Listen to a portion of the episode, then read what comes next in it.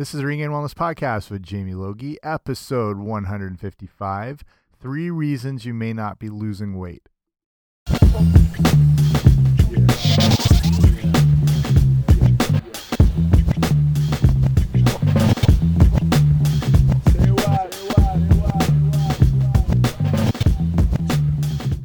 Hey guys, what's happening? Welcome back to the podcast. I'm Jamie Logie at runregainwellness.com, and this is the Regain Wellness Podcast of the same name. And I don't know why I said it like that, but thanks for coming on out today and looking at uh, obviously weight loss an issue all the time. Everyone's concerned, and you might have been going along pretty well or making some progress, and then it stalls or you're it, you're starting and it's just not like clicking in yet. So I'm going to look at three things that might be behind either preventing it from getting going or that it's you've kind of hit a plateau. So we can look into all those today. But before we get into it, make sure you subscribe wherever you get podcasts and that will make sure you get the shows automatically sent to you on your listening device of choice, iPhone, Android, Walkman, Talkboy, whatever it is, wherever you find a podcast, I'll be there. So make sure to subscribe. That way you get them automatically. Okay, let's get right into this.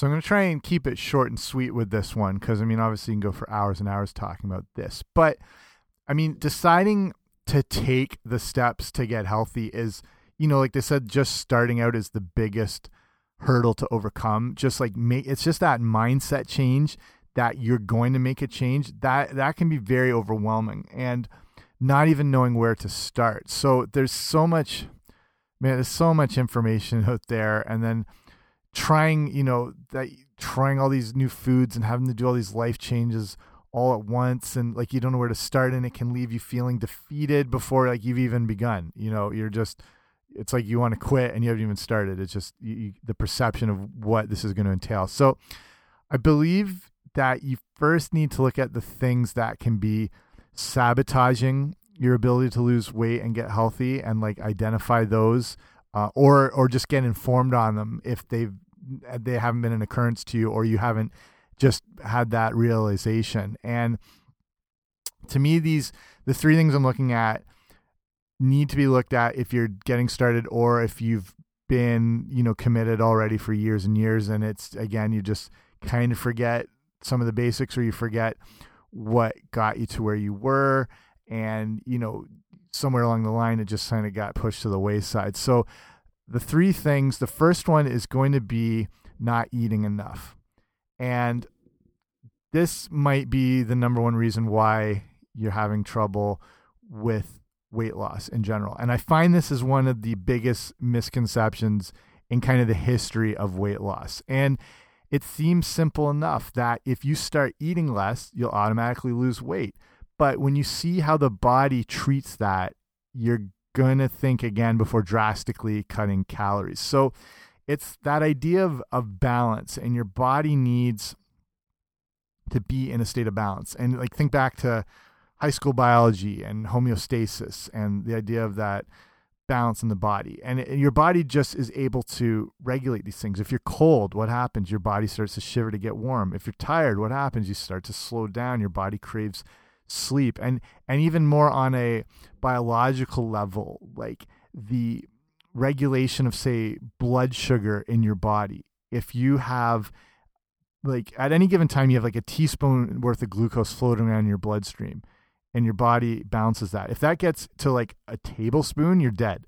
And your body just knows how to balance it. Same thing, I just did an episode on um, the alkaline diet and we're talking about body pH and the same thing and your your blood your blood is always at this sort of balance of this state of acidity to alkalinity and it's within this certain range which is very fine line and if you go too far one way or the other again, everything goes into chaos and your body is just able to constantly balance this. And it's the same thing with food. When you or calories in general, when you start to deprive yourself of food, your body compensates by slowing down your metabolism. If things are going consistently and good, your body's able to kind of go into cruise control and that's when things run better and weight loss is easier achieved and you can get like consistency is what helps your body get results. But when you're depriving yourself and not eating enough, your body's got to kind of get things back to neutral and kind of balance and preserve. And what it, how it does this is slows your metabolism. So since calories are being consumed sparingly, your body to balance is going to start to expend energy less in order to preserve the few precious calories it has. Like your body's, if you think of body fat as a reserve fuel tank, it's a backup energy source for times of your body doesn't know when your next meal is coming. Like it, even though you can go to a 24 hour Denny's and eat all you want, your body still doesn't know that. It doesn't know it's living in a modern world. It only knows it's like kind of primitive settings and it's going to do whatever it can to preserve what it already has. And in this case, if you're not eating enough, it's going to slow your metabolism down to a halt. So this then on this, you know, on the other hand, grinds weight loss to a halt as your body is just holding on desperately to what it has to make each pound loss um like each pound you have like just to last as long as possible. It makes any potential weight loss a longer and longer process. It's like in your body's mind it's like what are you doing? We're obviously going through some form of trauma. We're not eating. How could you possibly be expending all this energy unless we're in a state of you know potential death um, and then other energy systems come in and everything like that. But it's the process of, of losing weight through like you know it's exercise or you're doing too many cardio sessions or going to all these like boot camp classes or whatever. It's just it, it's it's like a screaming halt how slowed down your body's metabolism comes. So the flip side is when a, an abundance of food is then introduced back in after all this like calorie deprivation and it will happen when you restrict food for too long.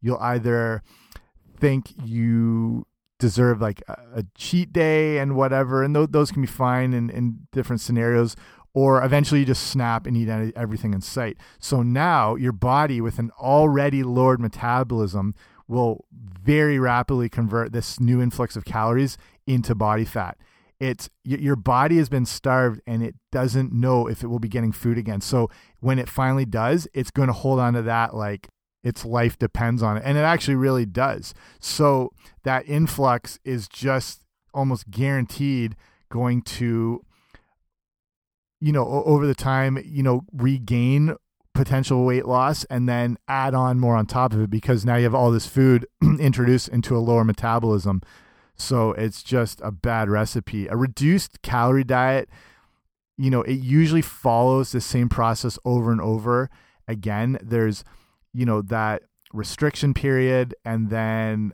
either a return to regular eating or an, an abundance of overeating from, you know, that calorie deprivation. So then maybe you gain that weight back and a little bit more. And then you potentially go back into that huge calorie restriction um, period and then again next time you return back to eating normally or snap and jump back into like eight buckets of KFC over a couple weeks then you gain that weight back and a little more again on top of this time. And incrementally over time that's when you know actual excess weight gain can happen. So what you're looking at is wanting to have your body consistently fed and that means not depriving it of things and not reducing calories too much especially if you're in any form of exercise program or whether it's like I don't know even if you're like swimming 3 times a week or you're in the gym or you're doing CrossFit. So you know it's that double whammy. You're just depriving yourself while at the same time trying to expend energy that's just not there. Uh, so metabolically it's just a nightmare for your body. So you you don't be afraid to be eating. You're just wanting to make the best choices and you're wanting to choose those things that are super high filling, super high um, in nutrition, but lower in calories. So you're looking at, you know, double digit servings of non starchy vegetables each day. If you're having some starchy vegetables, you want them the cleanest possible, like sweet potato and maybe some like brown or wild rice or some quinoa. And you want those primarily around any exercise you're doing as a source of fuel and then as a replenishment source. The rest of the day, a lot of your food needs just to look like, you know, good, clean proteins when you can get them. Again, all those good um, non starchy vegetables, You can throw in some nuts and seeds. You want good healthy fats from things like, you know, avocado or olive oil or coconut oil. And when you have all these things, these are not just nutrient and health promoting foods, they're foods that keep you full. The the four things that promote fullness in your body and make you not want to eat all the time are first off water. I mean like 70% of most foods are made up of water, especially like produce and vegetables and fruits and whatever. So that protein, healthy fats and fiber. So when you're focusing on those four things, you're feeding yourself, you're not depriving and your body has a lot that takes a while to digest. So there is that constant intake of nutrients, and you're not going to get in that state where you're depriving it. So make sure you focus on those four things protein, water, healthy fats, fiber. And that way you know you're being fed. Okay. The second reason you might not be losing weight or stalling or hitting a plateau is lack of sleep. and I cover this all the time, but you know, we live in this society where it's almost, uh, I don't know, it's like a badge of honor to proclaim how much you can function on so little sleep, or you know, how it's it's not stopping you and you're burning the candle at both ends, and you've been up all night watching a House Hunters marathon, and you can like, look, I can get by in four hours sleep. This is going to stop those weight loss pursuits. Um, I mean, you might be able to function for a little while and go for it, but over the long term, can't see it happening. And what we're looking at with a lack of sleep, again, comes back to your body's hormone levels, and they really control everything about you. And, you know, even things like metabolism, when we're talking about that before, about how it lowers and whatever, and your body regulates things. And the hormones just have this massive impact. And in this case, we're looking at cortisol, which is a stress hormone. And again, we're looking at being out of balance.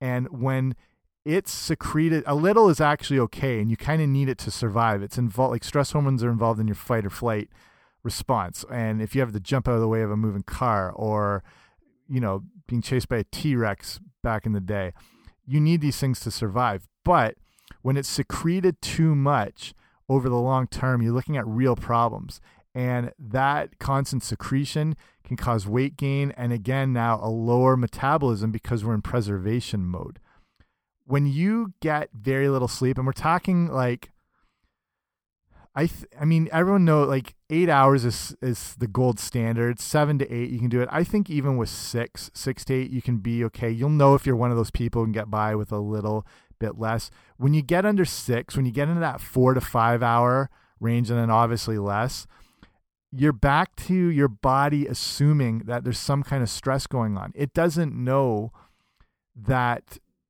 you're up all night watching you know HGTV till all hours. It just assumes that some sort of physical threat or a famine or environmental disaster is happening or else why would you not be asleep when your body repairs, rejuvenates, replenishes, all that sort of thing. Your body just your body doesn't know this modern age. Um, it just knows the conditions it's facing. So, you know, with your body assuming something negative must be happening, from keeping you from sleeping, it has those stress hormones constantly elevated. And unbalanced cortisol and stress hormones in general will severely sabotage your weight loss pursuits. I mean, it's just it's the same with it's that preservation idea. Your body doesn't want to lose weight. It wants to hold on to everything because it doesn't know what's around the corner. So, I mean, starting with getting more sleep. I mean, try to get that six to eight hours of sleep a night. And remember that you know when you sleep and when you exercise that's going to help to burn off those stress hormones and that cortisol if it's been potentially high levels in your body. So when you make sleep a priority that's it's like it's probably a bad example i say but think about um it's probably terrible like think about like an like oil or whatever on water and that's like the stress hormones on your body. And when you burn it when it's like ignited and it burns off the water. So that's like what sleep does. It like burns it off your body and helps get rid of it. And you need it consistently.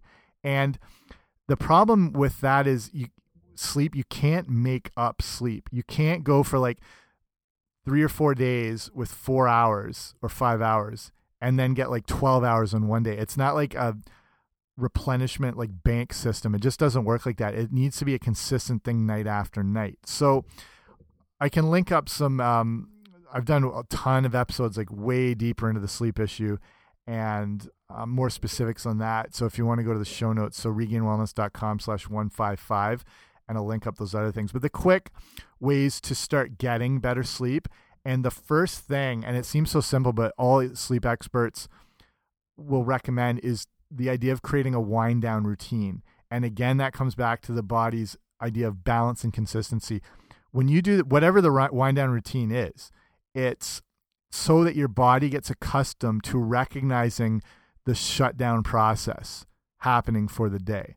And it's it's like you know whether it's i don't know you start you listen to music or have a bath or shower at a certain time and then i don't know whatever it is even if you're knitting like it's just when those things start to happen it's indicators to the body okay it's start to like starting to lower things down slow things down. Um, it's knowing it knows that ideally there's going to be that good six to eight hours of uninterrupted sleep and it knows hormone levels can work optimally and function good and it's just keeping your body consistent. And and a few ways also you can do to make this work better is you know the the obvious like avoiding caffeine later in the day avoiding alcohol later in the day alcohol will like knock you out pretty quick but it's not going to give you deep restorative sleep um, one of the big things as well is avoiding overstimulating things later in the day, like TV, electronics, anything that emits blue light. So anything from screens, which will naturally disrupt.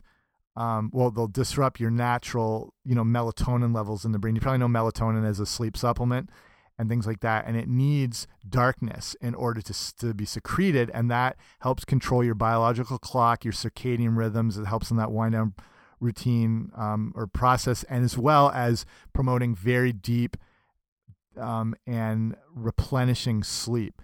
And when you have too much blue light from like your screens and whatnot, it basically turns it off. And your brain's mind, like if you're watching TV at midnight like a bright flat screen TV or you're on your iPad or your phone and it's blaring bright. In your brain and in your body's mind, it's 12 o'clock in the afternoon on a sunny day. And circadian wise, wise and body clock wise, it doesn't has no concept of winding down. It thinks sleep is still another 10 hours off. So that's where the stress hormones come into play more. And they, I mean, again, the higher the cortisol level is, the higher weight gain can increase and the difficulty in losing it. So sleep just goes hand in hand with all that. Okay, and the third thing that may be preventing weight loss, and it goes in connection with sleep, but it's regular daily stress. And it's, again, it connected with the stress hormones, and it's becoming more and more apparent that, you know, just like that chronic sleep deprivation, but chronic stress is re responsible for an immense amount of diseases and illnesses. And as of at the moment, it's around 43% of adults suffer adverse health effects from stress. And the interesting thing with stress is it doesn't matter if it's a real stress or a perceived stress, your body reacts the same way. And this can look like a few different things. So, a real stress is, um, you know, environmental disasters or traumas or stuff like that. Your body is just it's physically seeing that thing, you know, whatever it is, hurricanes, tornadoes, whatever, and it's reacting. Then the same on the same like the other hand, say stress from bills or work issues that aren't like you can't necessarily like you can't hold them or see them, but they in the body, your body responds the same way. Whether you know like we've made up these stresses or not your body's still going to respond. So you can't don't everything it's like think it's just in your head. It's a real response mechanism in your body. And like i said with a close to you know over 40% of adults suffering from these effects. Here's some of the things that have been connected with high elevation stress hormones in the body and, and sort of like chronic stress. So you're looking at things like stroke heart disease hypertension, diabetes, anxiety, irritable bowel syndrome, insomnia, you know, relating back to the sleep issue, depression, and then weight gain and obesity because that constant chronic stress. Think of like stress hormones and cortisol as like liquid weight, where it's just constantly pumped into you. You're not even, you don't even have to eat anything. It just can add weight to your body. So then if you're throwing on top of that too much crap and you're, and it's funny, like, because high stress hormones and cortisol levels actually make you crave sugar and refined carbohydrates. I think it's because it wants that quick energy. It wants those fast acting carbs because it doesn't know if it's got to like make a break for it at any given moment. So you crave more of these things. Like at this point, you're you're fighting your hormones, which is impossible, which you will not beat. You're you're trying to fight what your brain and your body craves because of this constant stress hormone level. So it's I mean the the cards are stacked against you at this point. So again, why you know sleep and things like that are so important to manage this stress. And you know you can see weight gain, obesity that can come from chronic long term stress is almost you know it's almost like secondary to the other horrible conditions I just mentioned, like the heart disease, the hypertension, the stroke.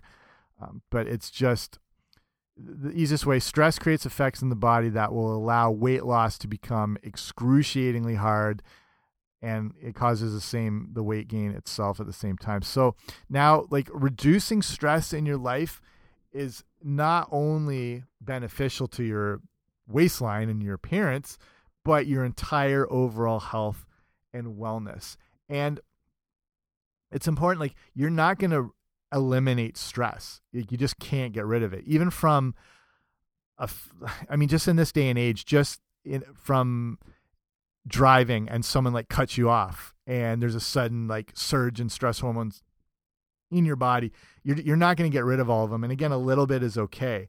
And so don't think that you're going to just, I don't know, cut stress from your life. It's more about trying to reduce and manage it as best as possible and that and then in that way you're looking at better all better overall health benefits better ability to lose weight and to keep it off so some of the easiest ways to help reduce and manage stress again like we started the first one right off the bat is the sleep consistent and adequate and then again you know exercise another way to burn off those stress hormones and to keep your body more in that positive hormonal state so you know about i assume like endorphins and the feel good hormones that come from exercise or running.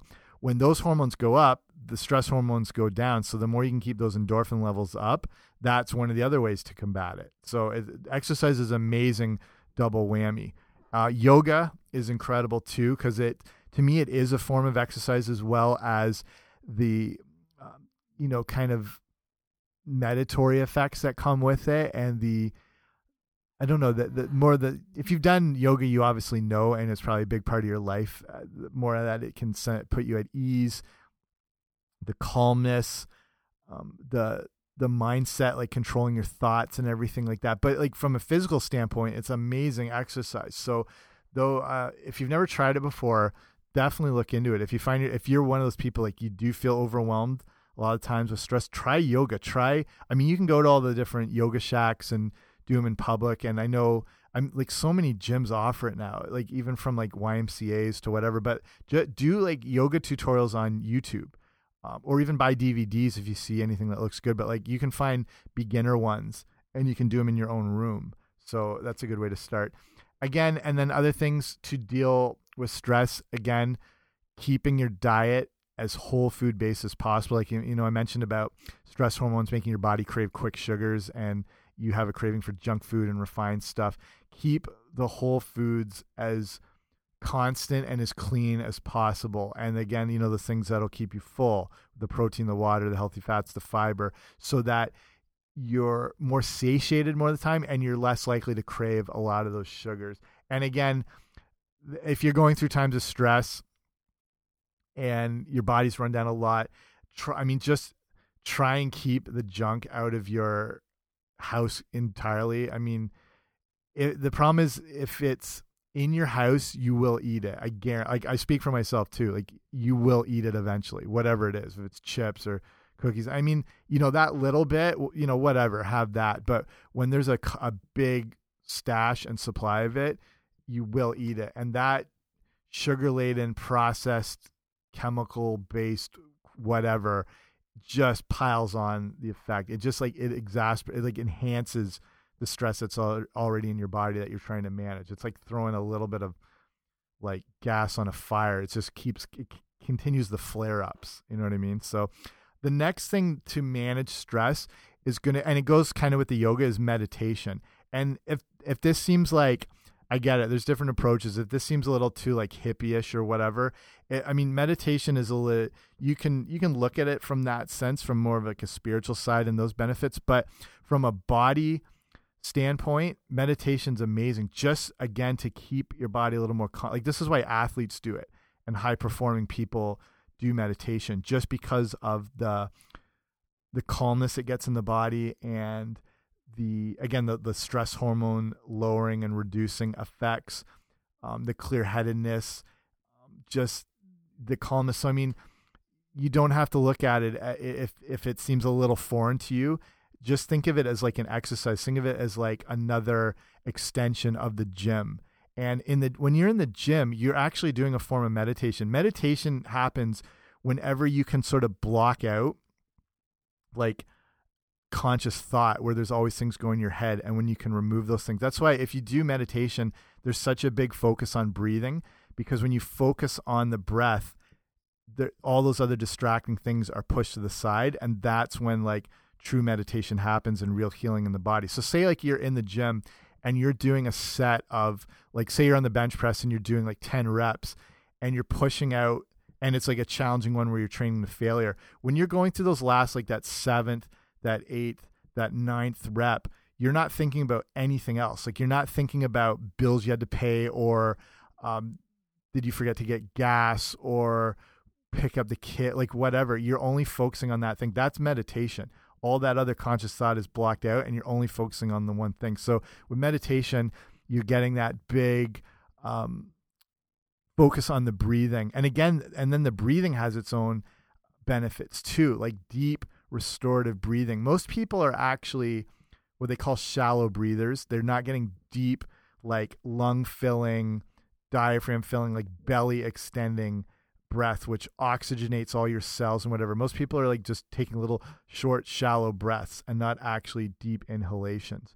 So that's why meditation is awesome. Or even just, even if you just want to look at it or call it like breathing exercises, huge huge stress management things and something a lot of people in yoga know this like straight up but i know you know from doing it myself and then knowing there's a lot of like like i mentioned high level athletes. I've things seen things with like lebron james and like kobe bryant and all those people. And when they're in game situ like i'm an athlete too and like in game situations there's times you find yourself not breathing. Like you just forget. Or like if it's in the in the play or you're you know you've done a shift and then you've gone off and you're waiting to get back out there sometimes you find yourself not breathing and you have to make a conscious effort to actually get these deep breaths in because it just it controls uh, so many like the hormonal and, and stress related things in your body so very important um, and again experts in psychology and psychiatry and whatever say one of the big things for reducing stress is recognizing what stresses are in and out of your control. And it, again, it sounds simple, but this just this indicator, indicator indicating what the way your body and your mind perceives these things as what you can control and what you can't control apparently has very powerful effects on being able to lower that overall stress in general. And again, what like what we're looking at is what keeping stress low, keeping stress hormones low that are sabotaging weight loss. We're looking at things that are preventing weight loss from happening and these are the things that are doing it. So again, like stress wise, this only scratches the surface. I mean, with things you can do to reduce stress, but it, hopefully this is encouraging you to explore more options if you're recognizing that stress is potentially a big part of your life but you can identify that and take back your health and your wellness by like looking into this deeper. So I'll wrap it up here. Like as far as it comes to to you know getting involved and underway with weight loss, there's there's still a lot of other factors and as far as you know looking at potential calorie intake and amount of exercise and stuff, but this is more about the the three big things that will always cause stalls and and prevent you from losing weight or continuing to lose weight. So having these three things kind of in your back pocket to know that might be causing the problem and knowing how to deal and assess it can really help set you up for success. So just remember don't deprive your body of food, focus on fresh whole foods constantly um, to allow your body to keep fed, nourished, your metabolism high. Don't deprive yourself sleep, allow your body to rest and repair rather than force it to elevate stress hormones and set you back even further. And again, try to remove as much or at least manage sources of stress in your life. And all these things combined are going to be absolutely crucial to making weight loss um, go as best as possible for yourself. Okay, I'm going to wrap it up there. I hope that was helpful. If you have more questions or things you think you can or potentially go further with or, or more detail on, you can write me to info at regainwellness.com. And I'm always taking new online like health and wellness nutrition coaching clients if you want to get like more specific with things and like work with me one on one because then it's um, then you know you're taking a lot of the guesswork out and it's us working together and coming up with more of a plan, following through, keeping you accountable, all that sort of stuff. But if there's just any just general questions, yeah, feel free to write me or other things you want me see see me cover potentially on future episodes. So I check all I check every email, I read everything. So feel free to write me. But in the meantime, again, thanks for listening. Hopefully this was helpful. If it was, I mean, be sure to share it with someone you think would benefit from it too. And make sure you subscribe to the show. If you really like it, leave a rating and review, and the more people can check it out. And then we're all in it together and everybody's happy. So thanks again. I'll talk to you soon. Bye.